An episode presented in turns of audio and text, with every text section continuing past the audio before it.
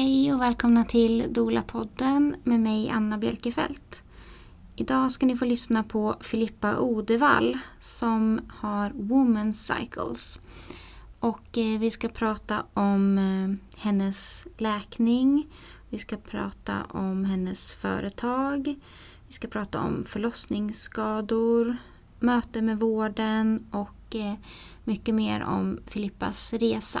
Så lyssna till detta härliga avsnitt och följ oss på Instagram på Dolapodden och eh, dela gärna våra avsnitt så att vi syns och hörs mer.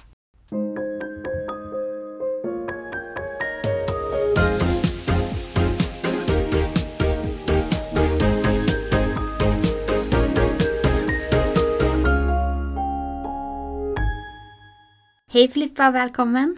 Men tack så mycket, så kul att vara här. Jättekul att du ville komma. Ehm, börja först gärna och berätta. Vem är du och vad sysslar du med?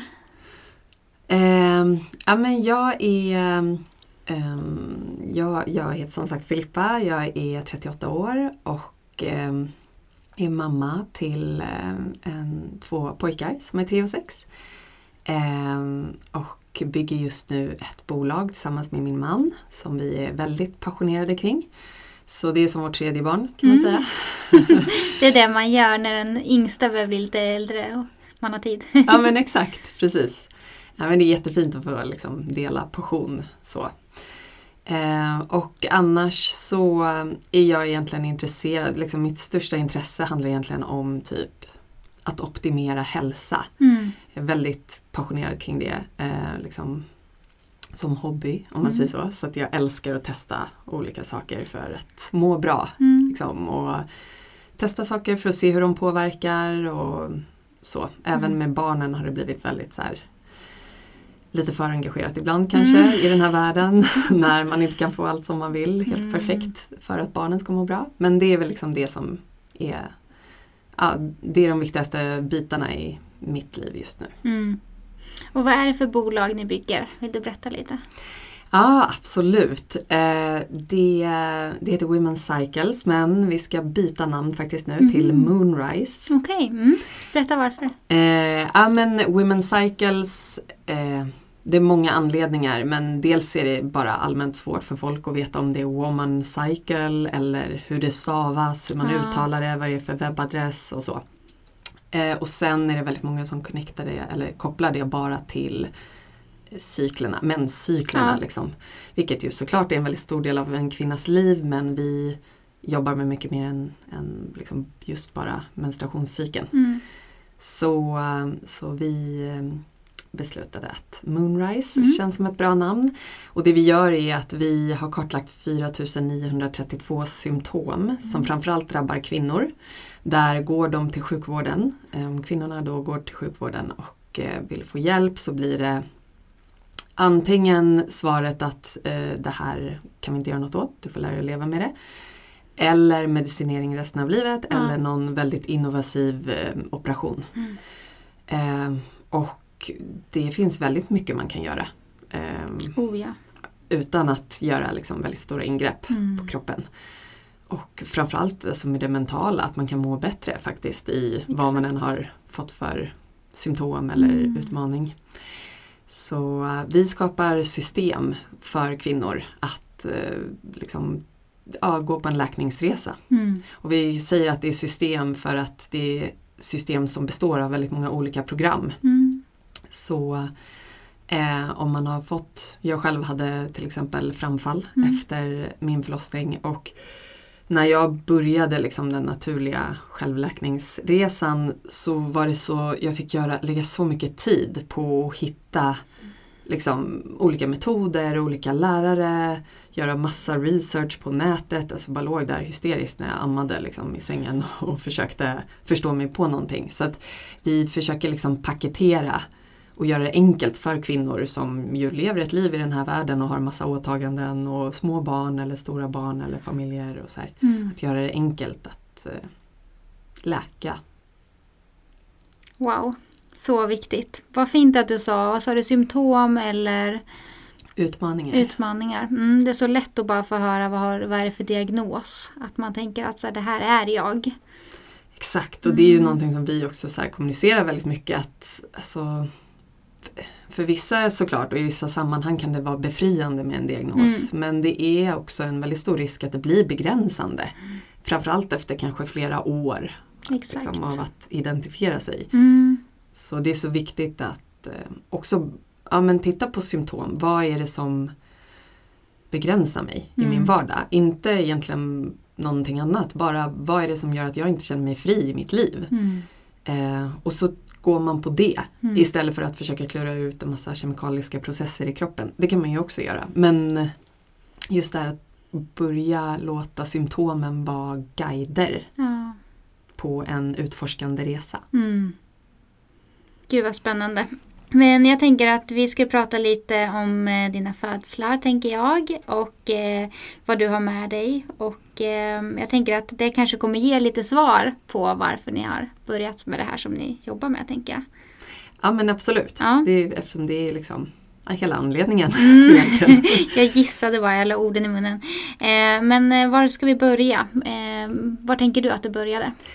Ja men jag tänker ju alltså bara lite så bakgrund innan min första graviditet och födsel. Mm. Så jag har ju varit yogalärare i nu 18 år tror jag. Ehm, så verkligen så dedikerat hela min livsstil till den typen av leverne. Mm. Och ehm, har väl känt att jag har ganska bra koll på kroppen och ehm, har varit väldigt i synk liksom, med mig själv och vad jag vill och min kropp och så. Och allt det vändes ju totalt upp och ner när jag blev mamma. Mm. Ehm, så ja, min graviditet var, båda mina har varit jättetuffa. Jag mådde illa, kom knappt upp ur sängen typ hela graviditeten. Ja, det var bara, jag var inte mig själv för fem öre, kände inte så mycket mening. Alltså, ja, det var bara hemskt Mm. och väldigt jobbigt att vara så i nio månader. Det är ganska påfrestande Mm. mentalt. Var det både fysiskt och mentalt som du mådde dåligt? Ja men fysiskt var ändå okej. Alltså Mm. jag hade klasser fram tills dagen innan jag födde. Mm. Ehm, och var ganska mobil så. Alltså jag hade in, inte några, några problem fysiskt om man Nej. säger så.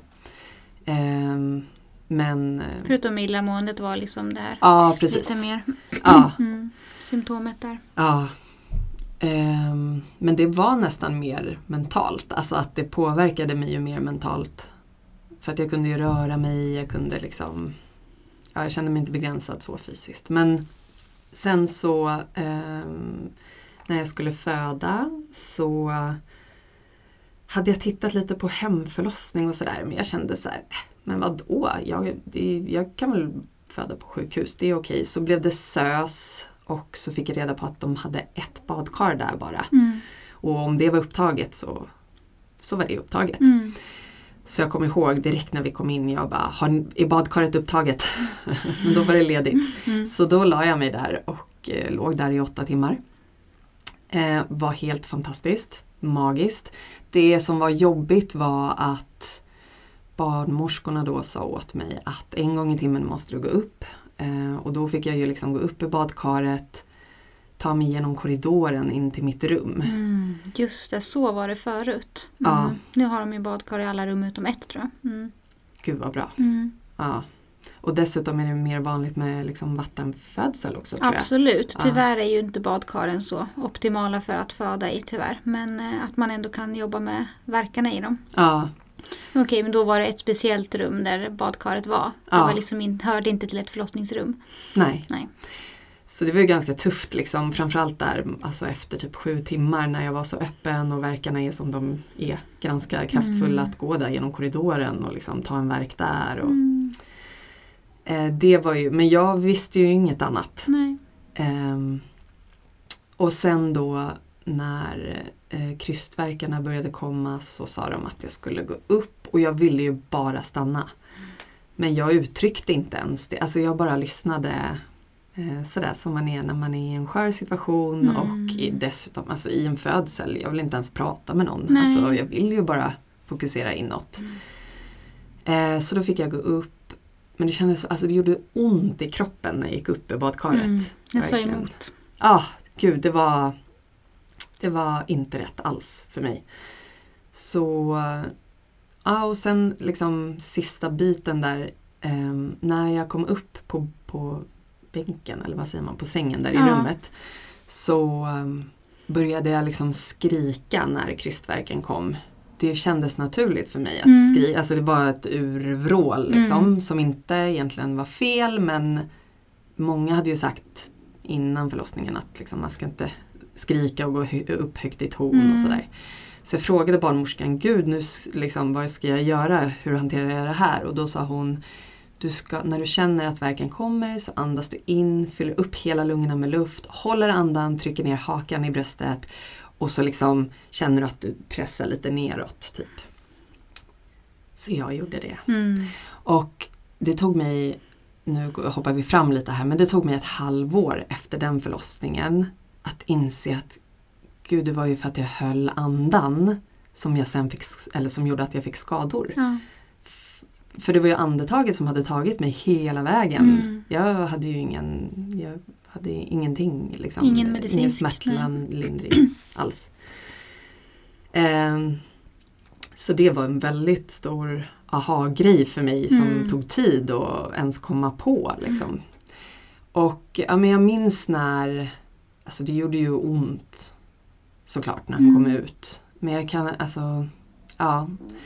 Han, så kom han upp på mitt bröst och jag var bara så här lite av, alltså jag var astrött. Mm. Så, så som man, eller säkert många kan känna igen sig i. Men jag var liksom lite avdomnad på något sätt. Lite passiv. Som Mm. jag kände att varför är jag det? Jag fattade inte riktigt. Mm. Och så ja, kom moderkakan ut och de tittade på mitt underliv och sa att Gud, du är som gjord för att föda barn. Absolut inte en enda skråma.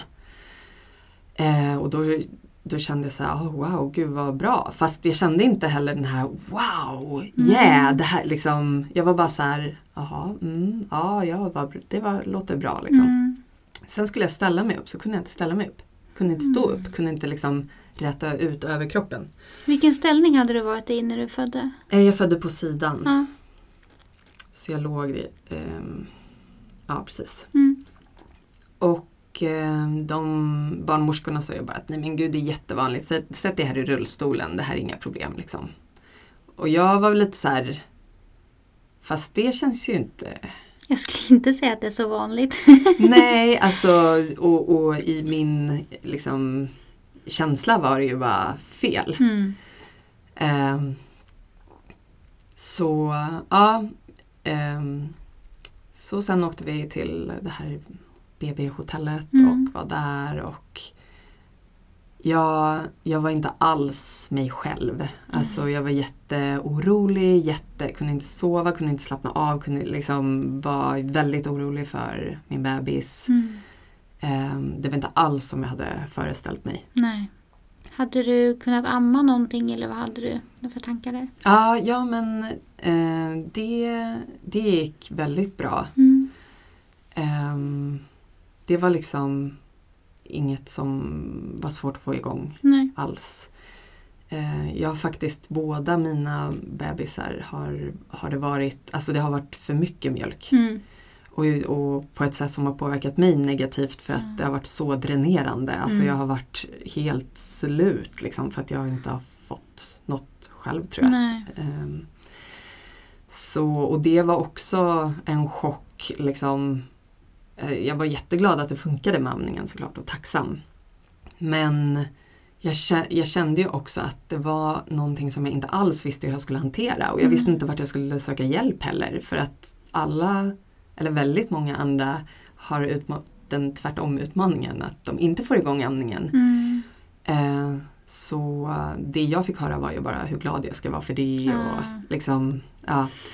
Så eh, hade väldigt svårt att hantera. Också svårt att hantera hur länge jag skulle amma. Alltså, ja, jag var väldigt borta liksom, i en Mm. dimma kan man säga. Vad tror du att det berodde på att du mådde så där efter förlossningen? Mm, jag tror att ja, jag tror att det beror på, berodde på många faktorer. Ehm, absolut på grund av skadan och att jag ju, även om det tog tid att fatta så var det ett övergrepp på mig som gjordes där. Um, och som jag ju verkligen har fått bearbeta. Mm. Vad Eh. tänker du på då? Vad var övergreppet för dig? Övergreppet var den rekommendationen jag fick av Mm. barnmorskan men också att jag var tvungen att gå upp en gång i timmen. Mm.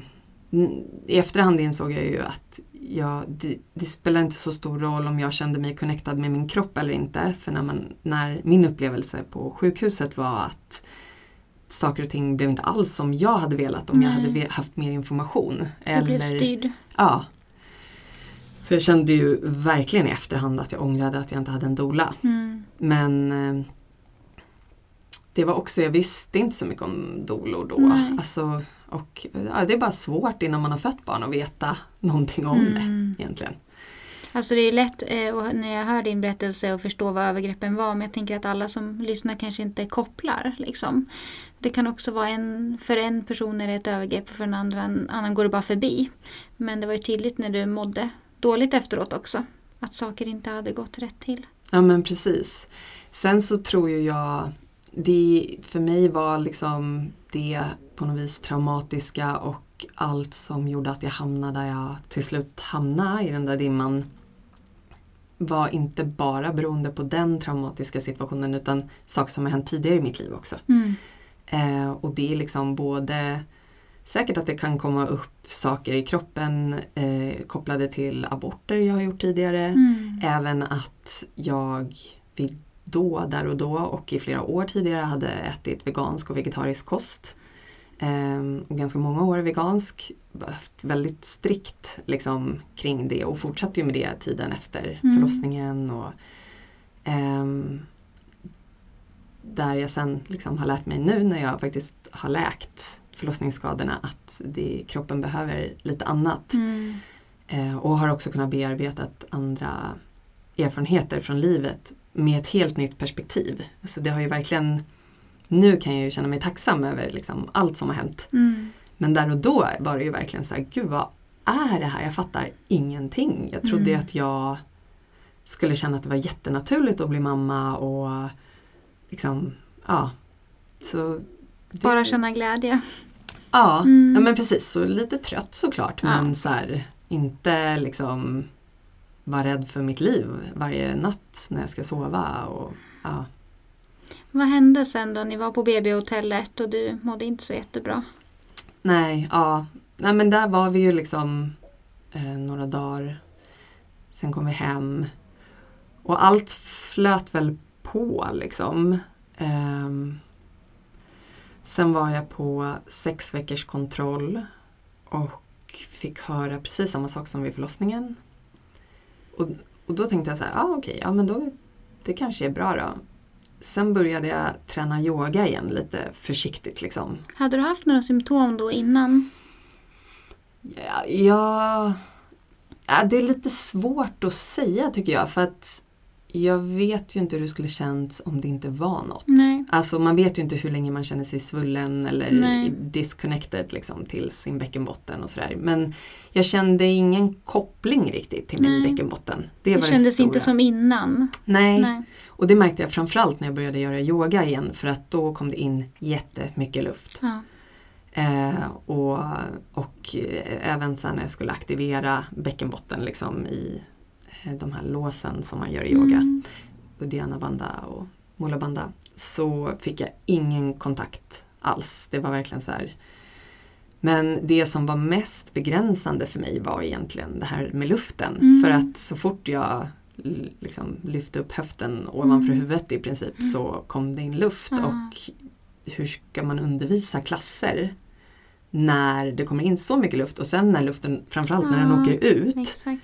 Det kunde ju hålla på i upp till en minut och det, Mm. jag kan inte ens prutta så högt liksom. Utan det var verkligen så här Så det var ju en jättesorg. Ja, så då började jag ju gå, gå till olika specialister. Ehm, jag var tillbaka hos någon barnmorska först och sen så var jag hos en gynekolog.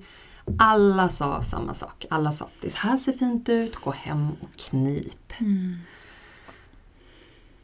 Suck. Ja, alltså gud. Det var förlegat. Ja, herregud. Men vad gjordes för undersökningar då när du kom på de här kontrollerna? Ja men det var ju, de kollade inte ens musklerna liksom utan det var ju, de tittade in och kände runt lite och sen sa Men de att det här va? ser bra ut. Ja. Åh herregud. Mm. Så till slut hittade jag en fysioterapeut. ehm, som ju liksom, hon var den första som kollade lite så musklerna och hur de aktiverades eller inte och så. Och hon sa att eh, ja, men du, du ska nog ändå, liksom, om du vill eh, förstå mer så kan du ju gå till Bäckenbottencentrum. Så du kan ju skriva, det enda sättet att komma dit är att skriva en egen remiss. Mm. Så då gjorde jag det. För jag ville verkligen gå till botten med det här Mm. och för, framförallt för att förstå vad kan jag göra nu liksom. Så kom jag till Bäckenbottencentrum och det här var alltså ett år efter förlossningen. Mm. Ehm, Hade du några andra symptom eller problem förutom under yogan och att du inte kände riktig kontakt? nej, Nej. jag hade inte, alltså förutom att jag kände mig inte som mig själv. Nej. Alltså jag, det var ju någonting och när jag också där då någon gång gjorde kopplingen kring det här med liksom om man tittar på chakrasystemet, roten, så här, där man ja, ska, kan känna trygghet och ehm, en, en liksom innerlig koppling till sig själv, allt det här. Så, så var det ju mycket av det jag hade tappat. Mm. Så för mig var nog det det största, att jag kände mig så lost Mm. och så ensam, deprimerad. Alltså, alla de känslorna var egentligen de värsta symptomen Mm. för mig. För yogan kunde jag ju ändå undvika, även om det var mitt jobb. Liksom, så fick jag göra positioner då plötsligt bara som eh, inte handlade om att lyfta upp höften så högt. Mm.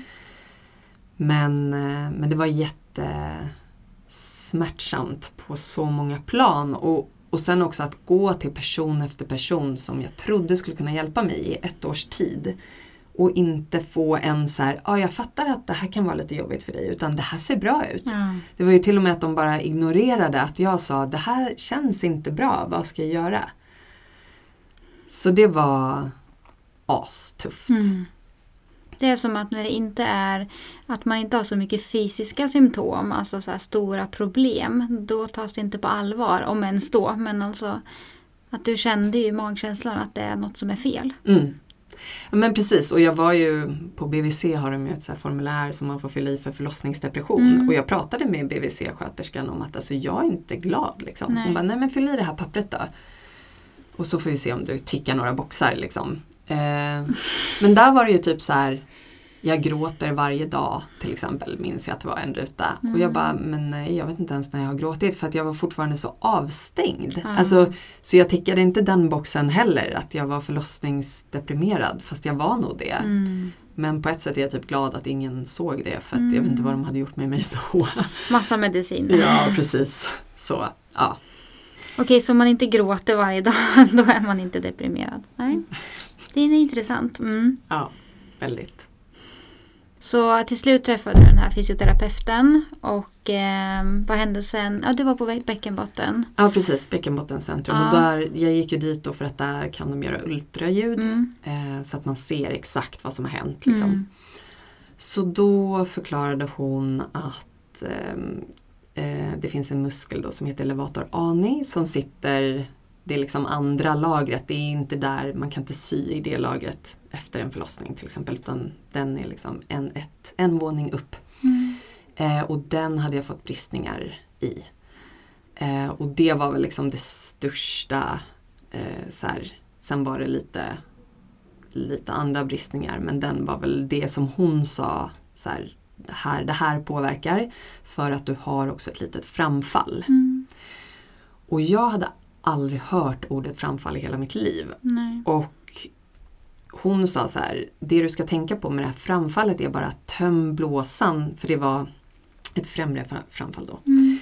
Eh, töm blåsan när du går på toaletten. Se till att du alltid tömmer den helt. Mm. Så kommer det här inte vara några problem alls. Mm. Och, och efter det, alltså jag har- tänkte inte ens på framfallet. Jag har aldrig tänkt på framfallet liksom baserat på det eller den informationen hon gav. Utan det som fortfarande var för mig var ju det här med att det kommer in luft och att jag inte Mm. känner kontakt. Och då frågade jag men vad, liksom, vad kan jag göra åt det här då? Och då sa hon när du har fött barn klart så kan vi se hur vi kan sy ihop dig. Mm. Var det enda du fick? Ja, Mm. och jag grät så mycket när jag gick därifrån. Alltså jag kände ju totalt att mitt liv var över och ja, jag, alltså jag var så chockad över att det inte fanns något annat. Mm. Alltså, och att äh, ja, det var liksom the icing on the cake efter ett år att ha letat efter stöd. Mm. Men ja, jag levde på mitt liv liksom och det, alltså, det gick ju åt det bättre hållet. Jag kände mig ändå liksom generellt gladare och så. Så att det var okej liksom. Ehm, Men då tänkte du att du hade träffat någon av de bästa liksom? Att nu Ja. har jag ju varit på det bästa stället så nu borde jag fått Ja, information. precis. Och jag gjorde ju lite, jag gjorde lite sökningar då också liksom på Google men för det första tror jag att jag bara sökte på svenska Mm. och det finns inte så mycket information överhuvudtaget om allt sånt här. Nej. på svenska. Men eh, så jag, alltså jag försökte lite där med några örter, alltså, men väldigt, ja, inte, inte på en nivå som förändrade någonting Nej. för mig. Tyvärr. Eh, så sen blev jag gravid igen två, två och ett halvt år senare typ. Det är tre år mellan dem. Ehm, och eh, ja, var ju absolut bestämd på hemförlossning. Inga, inget snack om saken. Hur kom du fram till det? Jag är nyfiken att höra. Ja, men alltså Jo, men jag kan ju faktiskt nämna det också. Innan jag blev gravid så valde jag att gå en doula-utbildning. Mm. Ehm, framförallt för att jag kände just den här, det var lite av en chock för mig att jag fattade så lite när det väl kom till kritan. Ehm, kring vad det är att föda barn eftersom jag ändå kände mig så trygg i min kropp. Liksom. Så jag kände att gud, jag måste göra någonting för att förstå mer. För jag vill ha fler barn, så jag, vad, vad kan jag göra? Men jag går en doula-utbildning. Jag vet inte om jag ska bli en doula, men jag vill i alla fall ha alla verktyg och fatta mer från ett liksom, emotionellt perspektiv Mm. hur, hur man kan hantera en. För att det var ju inga inslag av det på sjukhuset. Nej. Så ja men eh, det var en fantastisk utbildning som alltså jag vet inte hur mycket jag grät. Liksom för att jag bara och inte bara för mig utan för liksom alla kvinnor och Mm. kvinnligheten och till att bara det är så sorgligt hur, hur systemet ser ut Mm. och ja, hur mycket begränsningar det finns när det faktiskt skulle, skulle kunna vara det motsatta. Som Ja. det ju är för många också, en fantastisk upplevelse. Men tänk om det kunde vara majoriteten kvinnor istället som Precis. fick uppleva det istället för minoritet. Exakt. Så det var väldigt starkt och jag är så tacksam att jag gick den och det var ju, jag tror att egentligen efter, typ sekunden efter jag hade fött den, min, min första, om någon hade frågat mig då, då hade jag nog typ sagt hemförlossning redan Ja. där. Alltså jag Ja. bara visste att det är mycket bättre för mig. Mm. Så, men liksom hela den här processen efter åren mellan doula-utbildningen, allting bara pekade på att absolut ska det vara det. Mm. Så, eh, och det kändes ju så fantastiskt, alltså med hembarnmorskorna och jag gick över eh, 12 dagar. Vilket jag, jag gick över med min första också, tror 10 dagar. Så jag bara, det kommer, inte, kommer aldrig bli mer än det liksom. Nej. Och jag mådde ju så dåligt så jag ville bara föda. Mm. Men det hände ju inte. Men då hade vi, alltså jag hade kontakt med dem varje dag Mm. eh, under Vilka den hade tiden. Ehm, jag hade, nu ska vi se här, Ann och Sepide. Mm. Ehm, och det var alltså bara att smsa med dem en gång liksom, gjorde, förändrade ju hela min dag. Mm. För att jag bara kände att ja, men det finns fortfarande hopp. Och, det, och jag var lite stressad över att gud, kommer jag komma till någon slags igångsättnings... Ja. Jag vill absolut inte sätta igång, jag vill inte vara på sjukhus igen. Jag, alltså, men jag hade tillit och sen det var, nu ska jag säga, så här, han gick över 12 dagar. Så dag 10 eh, bestämde jag mig för, eller då hade min, eh, en, en kvinna som jag går till på akupunktur eh, sagt att om han inte har kommit dag 10 så kom hit Mm. så ska vi se. Vem gick du hos då? Doktor 9. Ja, Mm. mm. Så gick jag till henne i tre dagar. grymt. Och tredje dagen på natten kom han. Mm. Eh, och ja, men det, alltså, det var bara så fantastiskt rakt igenom. Också alltså att jag hade så mycket mer verktyg, jag var så mycket Jag var ju lugn på ett annat, alltså Första barnet var det som att jag bara, jag vet att jag kan det här, jag Mm. vet att jag är gjord för det här och sen gick allt åt helvete. Andra gången så var det ju som att, gud jag upplevde det här helvetet. Men nu vet jag i alla fall lite till. Ja. Nu vet jag lite mer och jag vet vad jag vill på ett helt Mm. annat sätt. Så jag ska se till att jag får det, no matter what. Mm. Så det var ju en jättestor skillnad liksom. Så jag ehm, Hur var den födseln? Liksom var...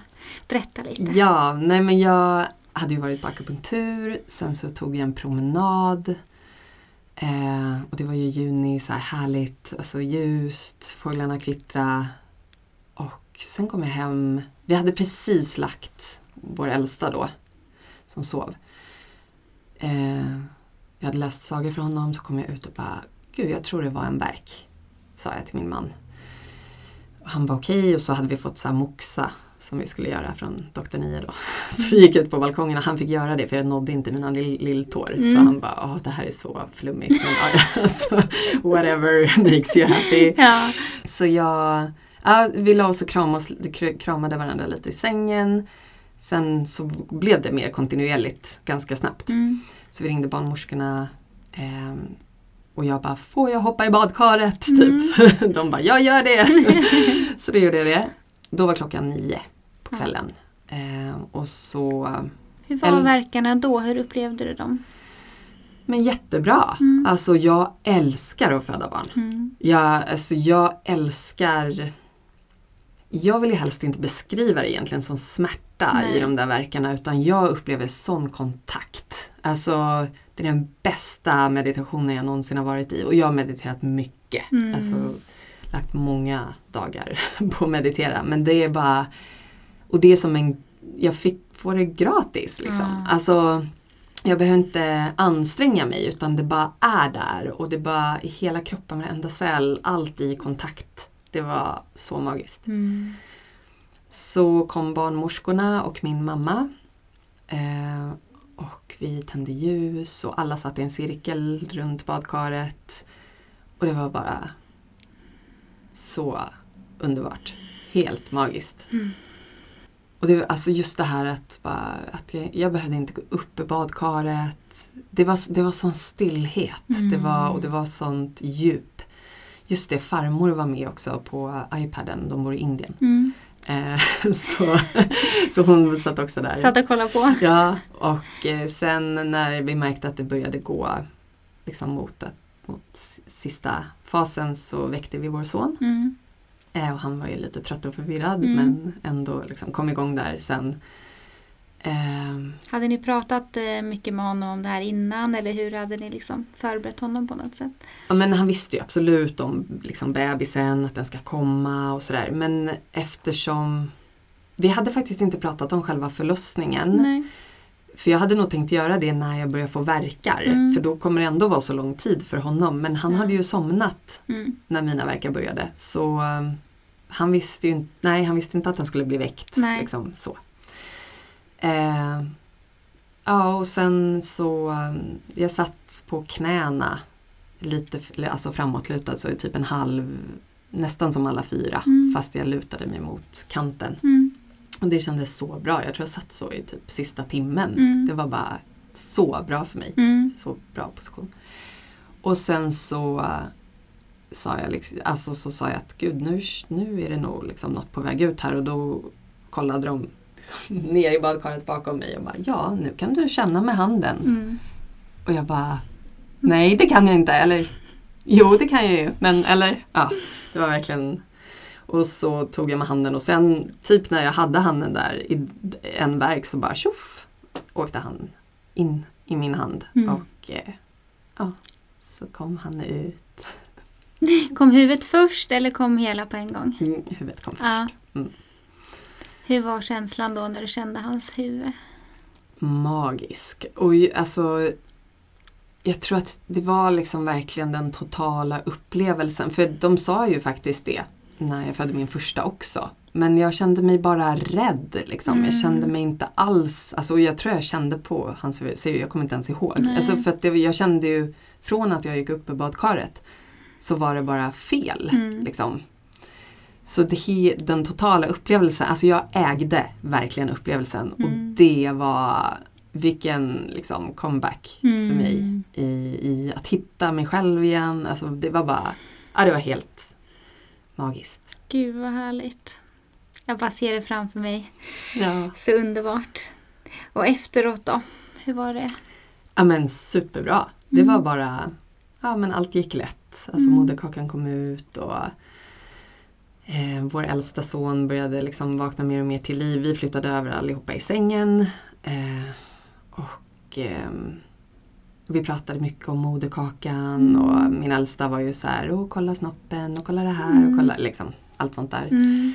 Eh, han var ju vaken i flera timmar Mm. sen liksom, och var bara superexalterad och med amningen och med allting. Och det Mm. gick, allting gick hur bra som helst. Så det var, nej men det var bara magiskt och det var ju det Alltså de, tre, i tre månader så kände jag liksom en magi över hela, hela upplevelsen liksom i, sig, i att föda men också att bli mamma igen och komma från den platsen. Mm. Med den starten. Mm. Så härligt. Det var magiskt. Och sen kom ju du Ja, efter en vecka, eller nej jag kommer inte ihåg. det var typ Hur, två, tre dagar? Ja, två, dagar tror jag. Ja, Mm. ja. Eh, och kapslade in moderkakan, Mm. vilket var så fint. Mm. Eh, verkligen. Åt du upp hela? Ja, Mm. den var, den var inte så stor så jag tog tillvara på allt. Ja. Mm. Eh, men kollade barnmorskorna bristning och sådär? Ni hade gissat att ni hade pratat om? Ja, ja, Mm. och de kollade och de tyckte att det såg bra De var lite så här, vi skulle kunna sy något stygn här. Mm. Och det var liksom vid perineum, alltså. Mellangården? mellangården. Mm. Ehm, men, men de sa att vi tycker nog ändå att det är bättre att lämna det Mm. för nu. Mm. Eh, och jag tänkte inte på det. Och, jag, alltså det jag tänkte inte på min bäckenbotten överhuvudtaget.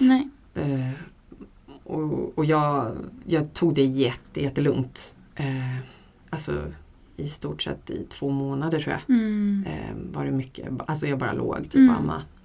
En vecka tror jag det tog innan vi gick ner, alltså in i köket. Eller? Mm. Nej, jag var ju där när du var där så det var ju bara två dagar. Men vi var inte runt liksom. Jag, det var verkligen så här i sängen Gud vad skönt. och amma. Åh, gud vad skönt. Och det tror jag folk behöver höra också. det är- Gud ja. Okej och det är jättebra. Ja, ja det, det, alltså vi ska inte, gud vad mycket det finns att göra i den här världen liksom, Mm. men det är inte då. Eh, Precis.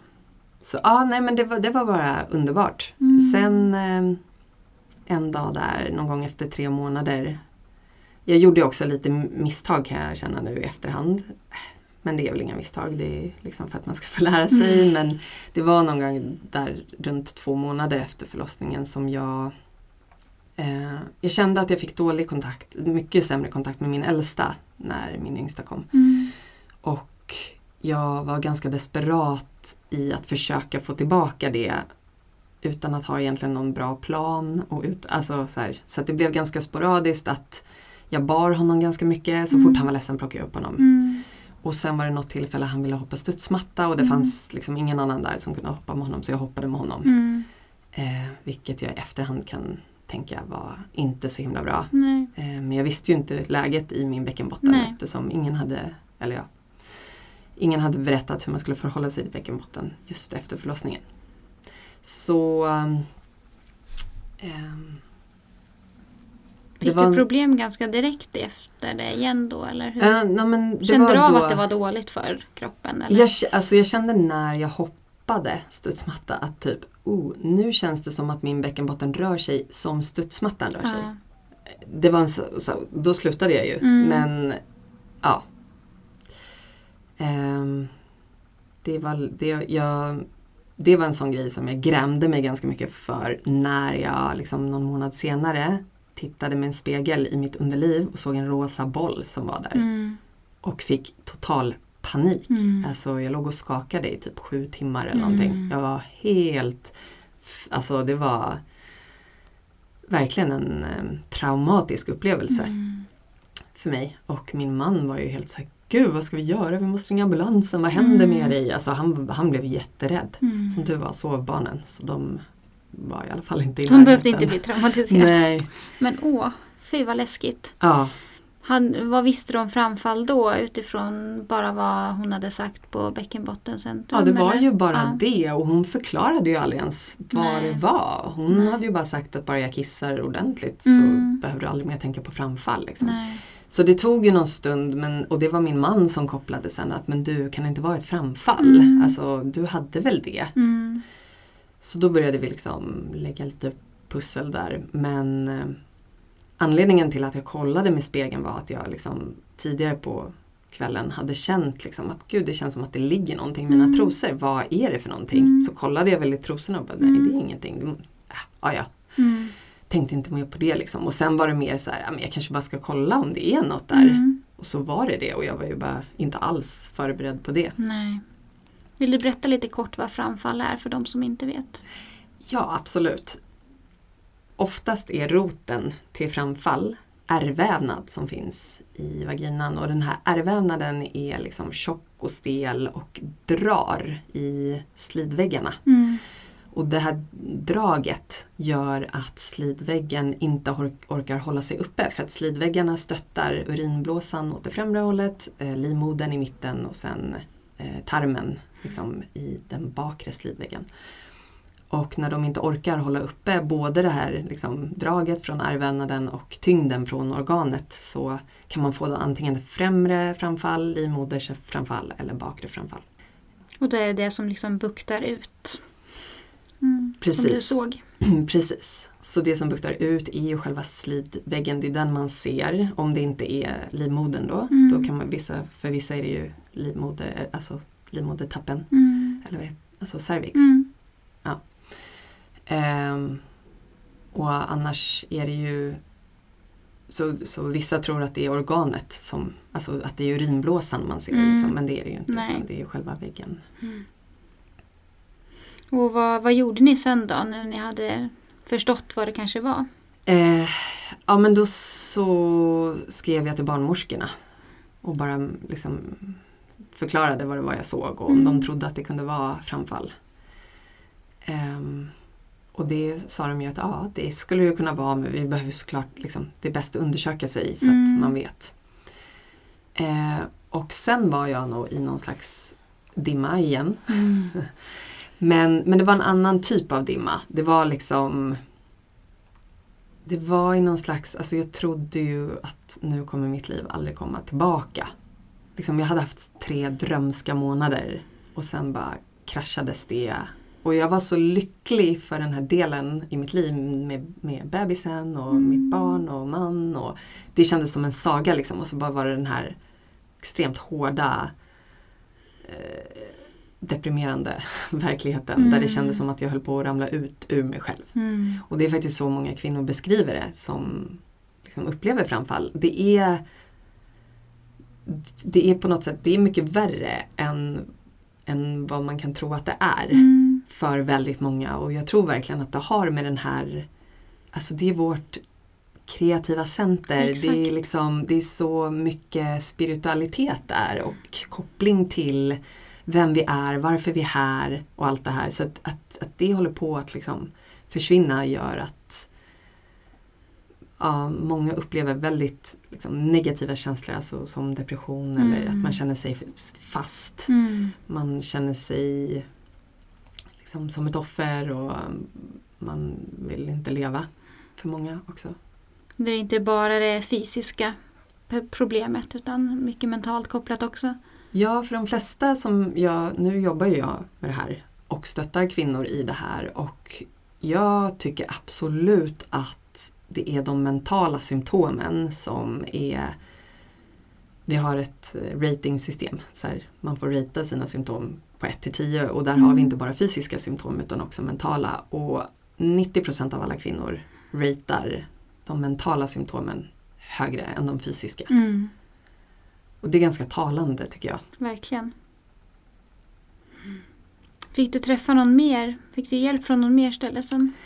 Jag bokade tid hos gynekolog några gånger och avbokade alltid dagen innan för att jag bara kom tillbaka, alltså när jag verkligen var reflekterade och kunde liksom hitta någon slags stillhet i mig själv så kände jag att jag har ingen anledning att gå och lägga mig i den där stolen som jag hatar faktiskt. Mm.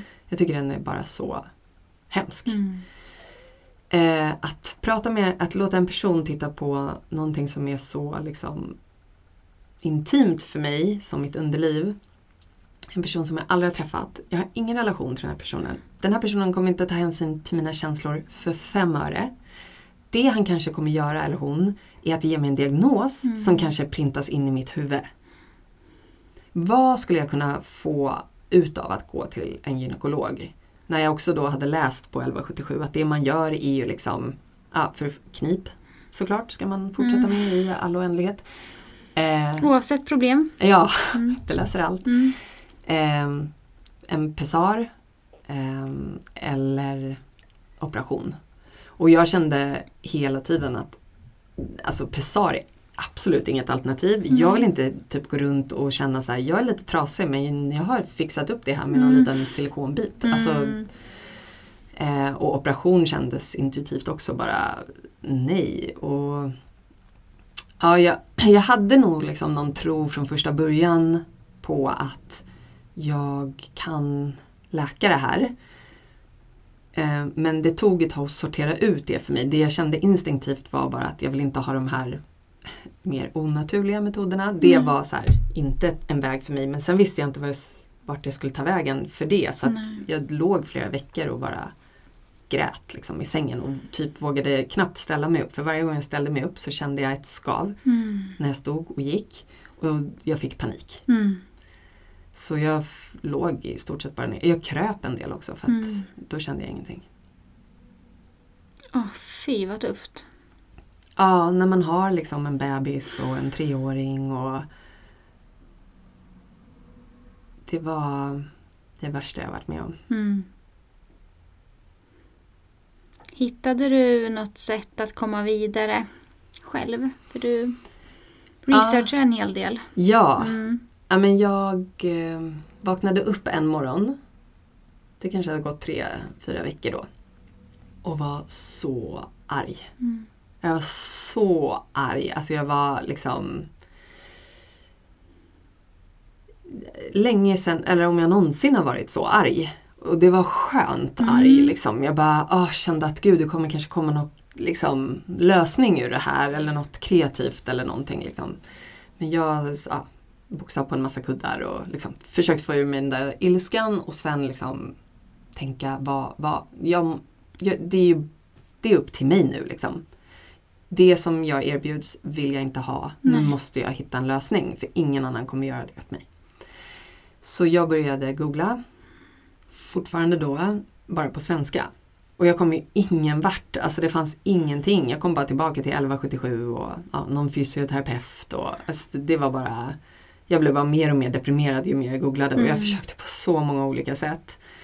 Och det tog väl kanske en vecka.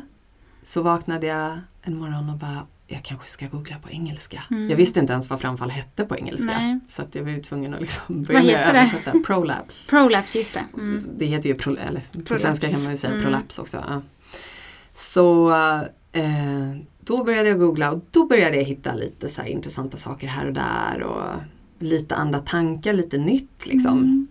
Men det som verkligen fick mig att känna en, vad ska man säga, nästan som en spirituell upplevelse av att det går på riktigt. Det var eh, att jag hittade en Facebookgrupp som en kvinna i Nya Zeeland hade startat och hon hade läkt framfall Mm. eh, bara genom liksom holistiska metoder. Det tog henne fyra år att läka Mm. Ehm, och hela hennes ton i den gruppen var bara underbar. Alltså det var bara, hon blev ju min guru direkt Mm. liksom. Jag bara wow, vem är den här människan? Alltså hon, finns hon ens Mm. liksom?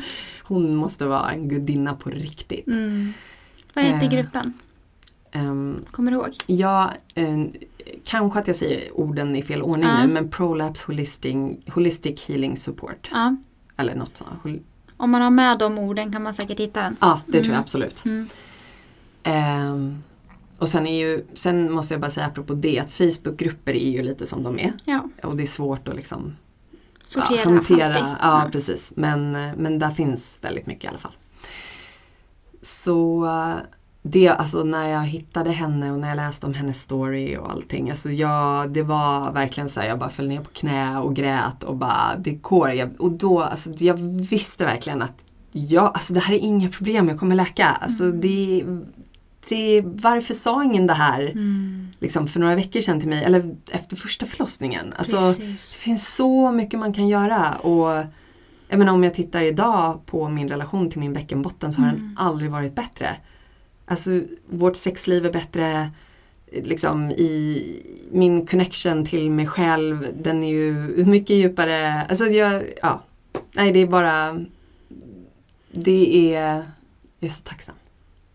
Gud vad underbart. Ja, men berätta. Vill du berätta om din läkningsresa? Ja men gärna, Mm. har vi tid. Ja, vi har tid. Kör. Ja. Ehm, nej men Vad var det som du läste som liksom väckte någonting i dig? Vad? Ja men eh, Shannon heter kvinnan som startar gruppen och hon var väldigt mycket inne på liksom mindset och eh, att hur vi förhåller oss till oss själva. Och återigen, alltså det var ju verkligen som att jag blev på nytt född för att jag kände ju att jag hade superbra koll på mig själv. Alltså jag har mediterat hundratusentals timmar typ. Mm. Eh, jag, har, jag har jobbat så mycket med mig själv. Men som sagt, alltså det var som bortblåst för Mm. mig när jag blev mamma. Så det handlade, och, det, och för mig har det varit en fantastisk resa för att det har varit någonting väldigt konkret att jobba med. För på något sätt, det är ju fantastiskt med alla unga tänker jag så här, som gör yoga och vill må bra och hälsa och allt det här men det kanske är först när man blir äldre eller, eller man kan ju vara ung och få något symptom också. Men det är nog först när man verkligen möter någonting som Exakt. då behöver man möta sig själv Ja. och se till vad är det jag behöver. För att Mm. alla andra kan ju säga att jag behöver 10 000 saker men Mm. jag måste förstå vad jag behöver. Sen behöver man ju ändå ny information för att få nya perspektiv på Mm. saker och ting. Så det, det var mycket att ta in. Liksom. Ehm, men ganska snabbt där så hittade jag en metod som heter hypopressives. Mm. Ehm, som blev väl, alltså det låg väldigt nära till hands för mig att prova den eftersom det är ju väldigt likt yoga. Eh, när man håller så här lås då som jag pratade om tidigare i, i en slags andningsövning. Mm. Ehm, så jag började köra hypopressives och ehm, första gången jag gjorde det så kände jag hur hela min bäckenbotten bara sögs uppåt inåt. Eh, någonting som jag absolut inte kände med knip. Alltså jag hade ju knipit och knipit och knipit i Mm. typ fyra år och inte känt någonting. Tvärtom, bara typ panik över att jag inte känner någon kontakt. Nej. Så med hypopressives var det precis motsatt. Plus att jag älskade övningen. Alltså Mm. knip var ju alltid bara jobbigt Tråkigt. och tråkigt och så här, kändes inte rätt liksom. Men med hypopressives var det bara ljuvligt. Mm. Så det började jag göra 10 minuter om dagen. fanns inga, inga lärare i Sverige så jag körde online då med en tjej i Skottland. Mm. Och blev ju så frälst så att jag utbildade mig själv till hyperpressives lärare. Eh, och det var ju, alltså tre veckor efter att jag började köra hyperpressives så, så hade jag symptomfria stunder. Vilket var tvärtom, de här fyra veckorna när jag bara låg och grät, det blev bara värre och värre. Alltså, Mm. Vissa är ju så här, ja men det blir bättre, vänta ett år. Du måste vänta ett år efter förlossningen och jag bara kände panik för varje dag som gick. Och Mm. att jag vet inte, vad ska jag sitta här och vänta på att det blir värre? Alltså, Mm. om jag kan göra någonting så måste jag göra någonting. Ja, det är alltid lite riskabelt att ge så generella råd. Bara, men vänta ett år för att eh, du som har jobbat så mycket med din kropp kände ju att det funkar inte för dig. Det var inte det du behövde göra. Nej. Nej. Så det var, det var magiskt. Bara det att få in det och att känna, det kändes så konstruktivt för mig. Att, alltså dels fick jag snabba resultat men det, var, det är ju en jättebra lugnande övning också eftersom det handlar om andning, man håller andan, man påverkar nervsystemet. Det, ja, nej, det var underbart. Mm. Och jag har sett så fantastiska resultat i kvinnor jag har jobbat med med hyperpressives också. Så det är, alla kvinnor borde bara få lära sig det. När, Mm. när man blir tonåring typ, borde man få ett paket av Mm. så här. Här finns en massa olika eh, metoder Mm. som är jättebra för dig att göra. Men ja, det tar lite tid till innan vi, innan vi har kommit dit kanske. Men, Mm. men sen eh, så eh, ja, jag fick ju väldigt mycket inspiration från den här gruppen. Så jag testade vaginal steaming. Mm. Eh, vad heter det på svenska? Säger man? Eh, ångning, Ångning. eller snippsauna typ. Ja just det, Ja. snipsan. Ja. Mm. Ehm, ja, eh, och den var också så här, jag gjorde ganska mycket fel i början. Eh, till exempel läste jag någonstans att om du inte har någon sån här eh, liksom, stol eller ja. pall att sitta på så kan du sitta på toaletten. Och jag Mm. bara, ja det, men det blir jättebra, jag Mm. börjar så. Bara det att när man har bäckenbottendysfunktion ska man Mm. helst inte göra det. Nej. För att mm, bäckenbotten behöver mycket mer stöd. Mm. Det är liksom ett för stort hål. Så jag kände inte, alltså jag gillade metoden men jag gjorde det nog lite värre där i början. Mm. Eh, och då fick jag ju lite panik igen. Men så är ju kroppen så cool och jag märkte ju att när jag sen började göra det rätt Mm. och ju fler metoder jag la på så det går ju också att läka. Det gör ju liksom inget om man gör lite fel på Nej. vägen. Jag trodde typ att nu är det kört. liksom, det var hela tiden kniven mot strupen känslan. Ah, att jag bara fy. hade kanske inte ens en chans Mm. nu att läka det här. Utan, men det går, alltså, det går ju verkligen. Och vi är så formbara, Mm. både liksom fysiskt och mentalt. Så äh, men det, det var fantastiskt. Mm. Eh, Så, och sen en annan väldigt stor grej var ju då, jag gick på akupunktur också. Mm. Eh, Det, det var inte den som var så stor faktiskt tyvärr. Eh, Jag gick flera gånger och kände mycket mindre symptom i typ en vecka. Men Mm. sen kom det alltid tillbaka. Så efter att ha gått, jag vet inte, sex gånger eller någonting så, så kände jag att det här funkar inte. Men hon sa åt mig att du måste äta kött. Mm. Och jag typ skrattade åt henne Mm. och tänkte att nej men gud, det behöver inte. Sen eh, sa kärnan också, hon som har startat den här Facebookgruppen, du måste äta kött. Mm. Då tänkte jag så här, mm, gud vad konstigt att hon på andra sidan planeten säger det som min akupunktör sa här. Mm. Hmm, det kanske ligger något i det här. Sen gick jag till en, en tredje kvinna. Och jag ska berätta om den metoden snart för den är också fantastisk. Men hon sa också, du ska äta kött och hon Mm. kom från USA. Mm. Så det var någonting där. Så kände jag så här, gud, jag måste nog äta kött. Mm. Eh, så jag gjorde det. Typ så här höll för näsan och eh, såg det som en supplement, Mm. liksom ett tillskott. Ja, jag är precis där nu. jag skulle behöva börja äta kött och bara, åh det tar så mycket emot. Mm. Ja, Men det är bra, man kan hålla för näsan i början, man vänjer sig liksom. ja, ja, ja, men precis. Och jag tror att alla har olika resor Mm. Eh, kring det där. Och mat, alltså mat, det är ju så mm, för gud, det är så svårt att prata om och Ja. förhålla sig till och det finns så mycket åsikter och allt det här. Men jag fick verkligen styrka i att tre kvinnor som jag känner, kände sån stor tillit till Mm. och som bara var så här, de här kan kvinnohälsa om Mm. några. Och sen när jag också läste på mer om hur forskning funkar, att ehm, ja, vad är det, 95% av alla studier som görs inom hälsa görs på män. På män ja. Mm. För att kvinnor är, har ganska komplicerade kroppar eftersom vi har hormoner som skiftar varje vecka, till och med varje dag kanske. Mm. Eh, och att väldigt många studier då, till exempel kring hur man äter, alltså vegan, vegetarian, allt det där, är gjorda på män. Mm. Eh, och då blev jag arg igen. så då kände jag att nu går jag och köper mitt kött. Mm. Eh, ja, nej men så jag, jag började äta kött där, jag åt väl någon gång i veckan. eh, och har bara liksom egentligen trappat upp.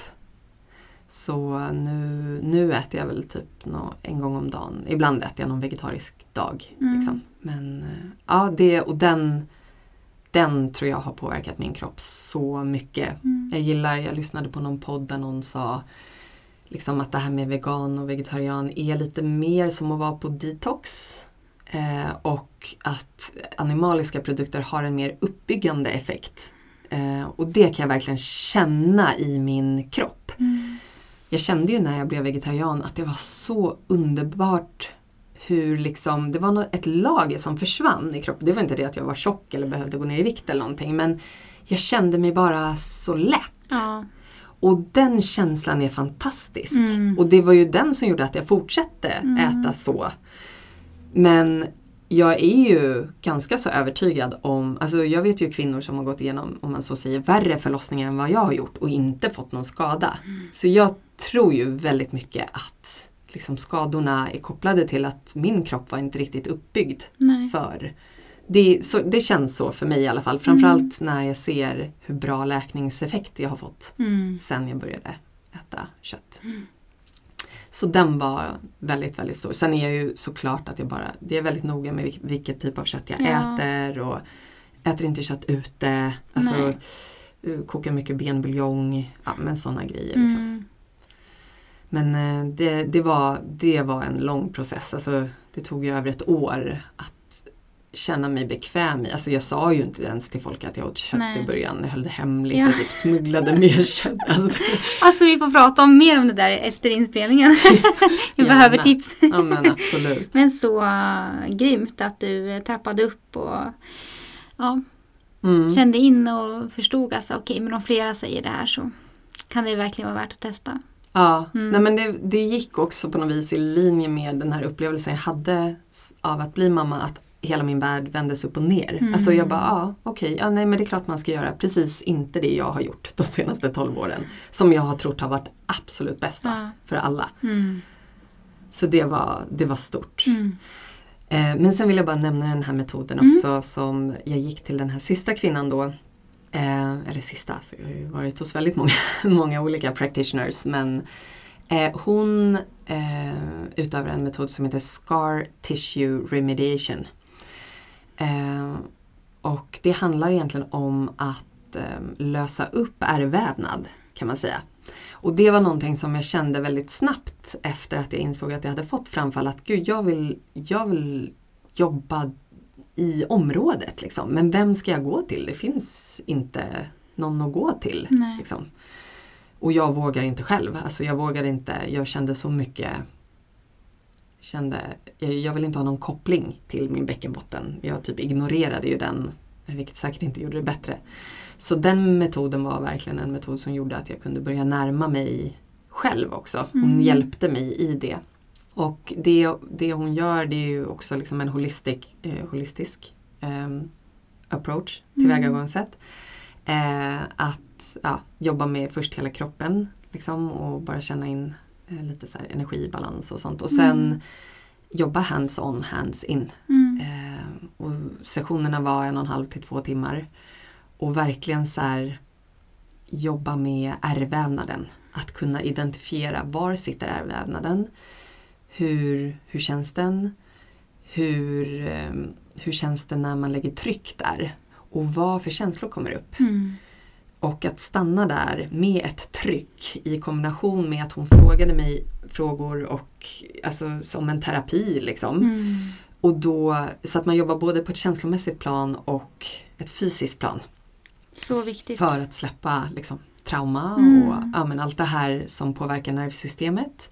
Men sitter fast i kroppen. exakt, Mm. ja men det är verkligen så. Men också för att lösa upp det fysiska ärret. Mm. Eh, vilket eh, jag tycker hon, hon säger det så bra. Eh, en, en sak hon sa till mig då var If you give a scar what it needs it will dissolve. Mm. Och det är, alltså, det är, min upplevelse stämmer så väl. Och sen kan man ju jobba med ärr på olika sätt. Man kan göra det genom kost, man kan göra det genom tryck. Eh, det är framförallt men också såklart känslor. Mm. Eh, och, liksom, så, och det finns ju säkert mer. Alltså, ja, ånga till exempel. Mm. Att, att, att verkligen eh, gå, alltså att inte vara rädd för att faktiskt gå in och jobba med, med där symptomen uppstår. Mm. Ehm, och inte skapa mer ärrvävnad som man ju faktiskt gör när man opererar till exempel. Mm. Och det är ju Exakt. väldigt många kvinnor, så många kvinnor som kommer till oss som har fått så mycket värre symptom Mm. efter operation och inte har fått någon information om att det ens kan bli värre. Nej. Kanske så här att det kanske inte hjälper, men det kanske hjälper. Mm. Men det får de ofta information om, Mm. att det är den chansningen. Liksom. Men inte att gå från att läcka lite när man skrattar eller nyser eh, till att läcka konstant Mm. hela tiden, inte en paus. Det bara rinner lite hela tiden Mm. och det är ju alltså, det är så fruktansvärt. Så kan man ju inte leva liksom. Åh, gud vad hemskt. mm. Men vem var den här kvinnan som du pratar om nu? Ja men jag eh, fortsatte ju min research och hittade en kvinna som heter Ellen Heed. Mm. Och det är hon som har tagit fram den här metoden. Mm. Eh, hon är från USA då och har jobbat med det här i 25 år. Eh, hon är helt fantastisk så jag lyssnade liksom på alla poddar jag hittade med, med henne och allt sånt där. Och jag försökte hitta någon i Europa som gjorde det här. Men eh, hittade ingen, inte, ja, ingen tillgänglig. Så jag skrev till henne och frågade, alltså jag bor i Sverige, jag hittar ingen här. Ska jag komma till LA? Eh, Då hade covid precis brutit ut. Mm. Men jag var så här, jag skiter i det, jag ska bara dit och träffa henne. Liksom. Lämna min bebis eller ta med eller jag vet inte vad jag gör. Men jag måste bara åka och träffa henne.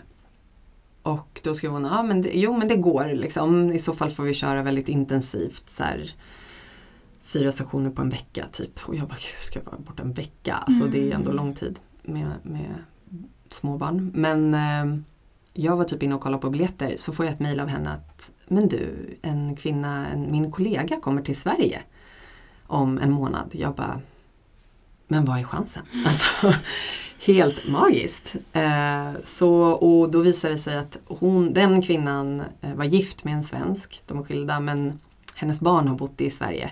Så hon, eh, ja, hon skulle åka hit och på grund av covid så skulle hon vara här. Liksom, och inte hålla på och pendla som hon har gjort tidigare.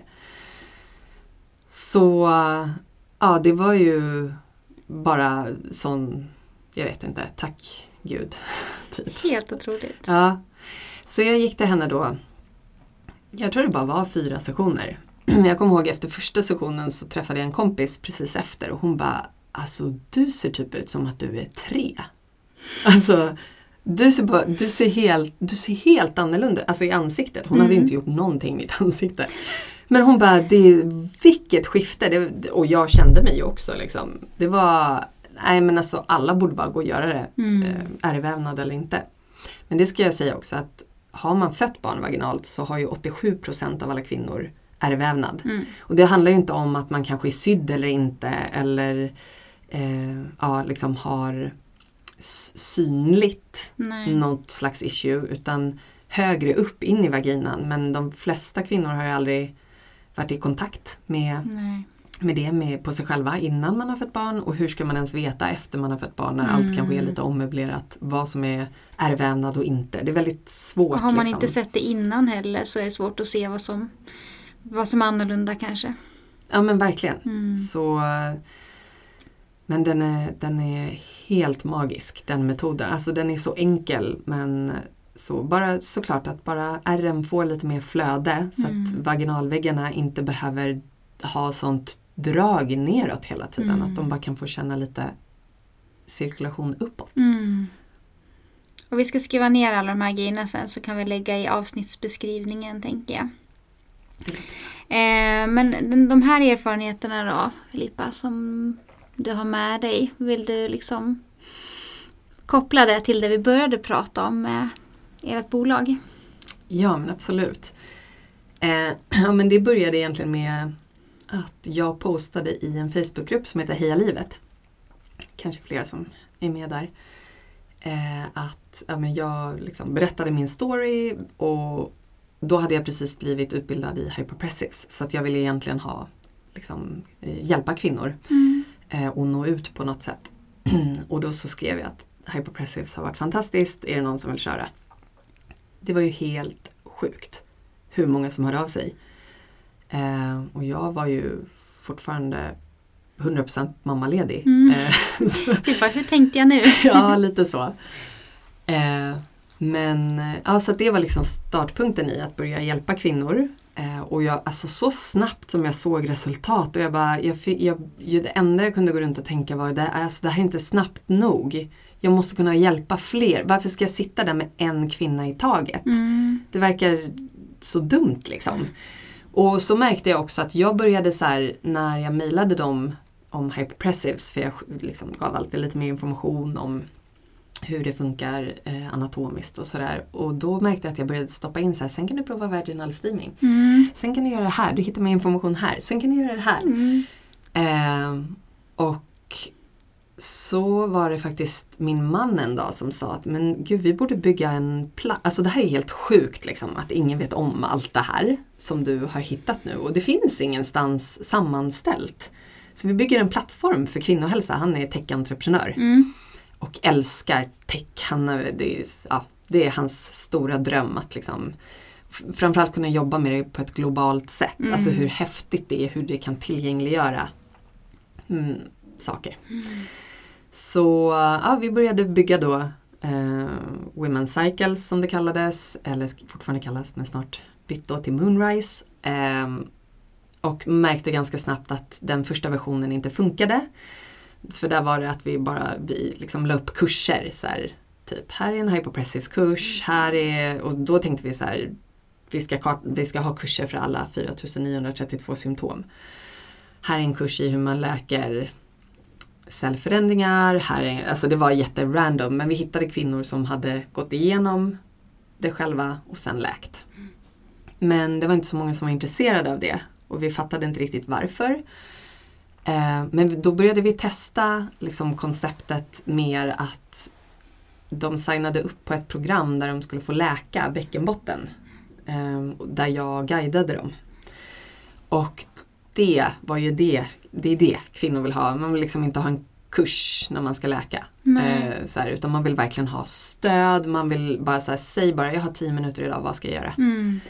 Ehm, så det, det liksom första systemet då som vi har utvecklat eh, handlar ju om att läka bäckenbotten, heter The No Kegels System. Mm. Och Kegels är ju knipövningar så att det är inga knipövningar eh, men, men eh, väldigt många metoder för att läka bäckenbotten på helt andra sätt. Mm. Och så guidar jag kvinnorna. Me- Mest handlar det om det emotionella, liksom att förhålla sig till livet samtidigt som man går igenom allt det här. Eh, och det går så bra. Vi, alltså, det är ju synd att säga liksom eh, att det finns så stor marknad. Mm. Det är så sorgligt. Men också så fint att få liksom ta den platsen och Mm. erbjuda det här och, och också göra det på ett väldigt businessrelaterat sätt Mm. som ju framförallt min man då som ser till att vi gör. Mm. Så förra året tog vi in en investeringsrunda, nu ska vi ta in nästa. Det är väldigt liksom eh,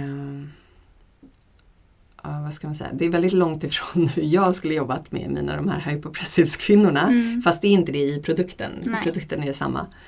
Ehm, och vi vill verkligen bygga en, en alltså global, en global movement eh, av det här.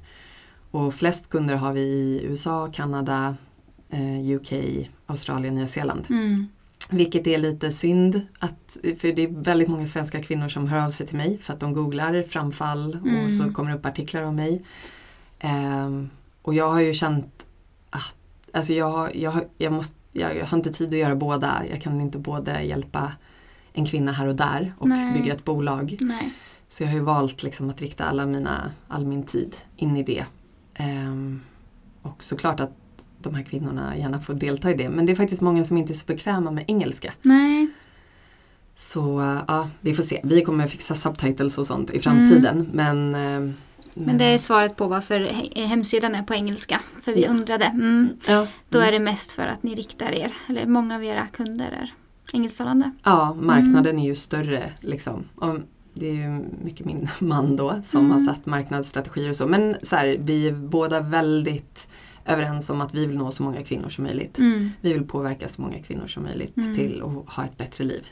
Och då är det inte, svenska är inte språket att Nej. använda då tyvärr. Nej, det är inte det. Ja men gud vad spännande. Eh, så att man kan gå den här guidningen Eh, är det några andra grejer som ni har på er hemsida? Vad hittar man där? Och...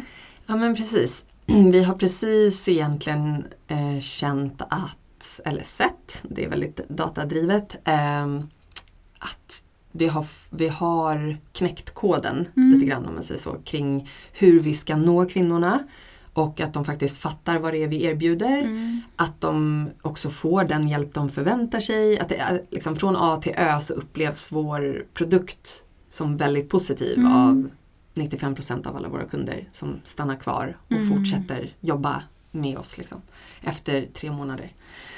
Eh, så nu vill vi prova att utveckla nya system. Så nu eh, jobbar vi tillsammans med, hon är också svensk faktiskt, en eh, kvinna som har läkt mycket så hormonella obalanser Mm. som heter Disa Minör. Mm. Eh, och ja, vi, vi har ju applicerat många bitar av det här No Kegel System på de här hormonella systemen som vi håller på att ta fram. Men vi har inte knäckt koden än. Nej.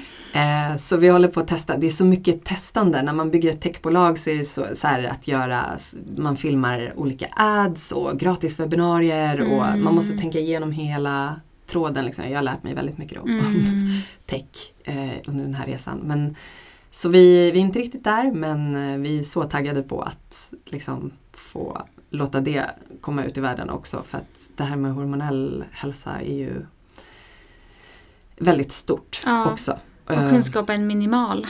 Eller i alla fall den som nås ut och den man kan hitta. Liksom. Ja men verkligen och också så här, just det här med stödet. Att det, det, visst man kan hitta någon random sida där det står att gud du måste sluta äta det här och det här och det här och så Mm. sitter man där och bara känner sig ännu mer isolerad och ensam och ja. Förvirrad. Eller typ, ja men precis, här, sluta dricka kaffe Mm. liksom för din, dina hormoner och då det kanske inte blir så hållbart för den personen och så Nej. känner man sig bara ännu mer deprimerad. Mm. Så just det här med att faktiskt ha ett lite mer hållbart tillvägagångssätt Mm. där man gör lite varje dag och man får stöd och ett community och Åh, Disa är underbar. Hon ska absolut komma till podden någon gång också. Jag har 10 000 frågor till henne med. mm. Ah, men ehm, eh, vill du berätta var man hittar dig? Och hur man når dig? eh, Ja, nu vet jag ju inte riktigt eh, när den här, det här avsnittet släpps. Nej, ganska snart. Ganska snart. Ja Mm. men då är det nog womencycles.com Mm. men om bara lite längre fram så Mm. blir det moonrise.health Mm. Och sen, sen har jag en Youtube-kanal också faktiskt ehm, som heter Filippa and Healing. Mm. Och den är ju lite mer oprofessionell kan man säga. Det är bara jag som får vara i mina i bubblor, i Mm. mina tankar med alla mina metoder och testa saker och så. Mm. Och den startade jag ganska nyligen. Det är Mm. liksom lite mer en hobby, hobbyprojekt kan man säga. Mm. Men eh, framförallt alltså om man vill testa, jag lägger nog upp i stort sett alla metoder som jag liksom kommer i kontakt med. Mm. Eh, sen är ju det en Youtube-video som inte kanske är den mest djupgående i hela Nej. världen. Men eh, där kan man i alla fall börja få lite smakprov på Exakt. olika saker att eh, Inspiration. Mm. och också tänker jag som dolor att kunna hänvisa eller liksom ehm, Jag vet att eh, postpartum dolor såklart är väldigt medvetna om liksom, hur viktigt det är med vilan och säkert många metoder för att läka också. Men, eh, men det finns... Men eh, vi är ju inte proffs på det så det är jättebra. Nej, det alltså har man inte gått igenom det själv och Nej. verkligen så här, då, då kan det ju vara lite ehm, lite begränsat. Mm. Eller det kanske inte är därför. Jag skulle men... nog säga att vi mer tipsar om olika personer. Ju fler vi känner alltså, och ju fler som jobbar med olika saker inom det här desto bättre. Då kan vi ju hänvisa vidare liksom. Det skulle jag säga är vår specialitet som postpartum. Liksom, att, vi, att man vet vilka som man kan få hjälp ifrån. Mm, För det var ju lite där du befann dig med. Bara, men var ska man vända sig? verkligen. Ja Mm. men precis och det är det som jag tror liksom är ett stort skifte som kommer hända nu för kvinnor generellt. Alltså att vi behöver vara närmare varandra Ja. och kunna liksom hålla varandra Verkligen. på ett helt annat sätt än Mm. hur det har sett ut Mm. tidigare. Vi är så taggade på det. Det känns som ett jättestort skifte faktiskt. Som är på väg. Det är en jättestark kraft som man känner. Så många som vill göra saker för att det ska bli bättre för kvinnor. Eh, och det är så jäkla grymt. Verkligen. Mm.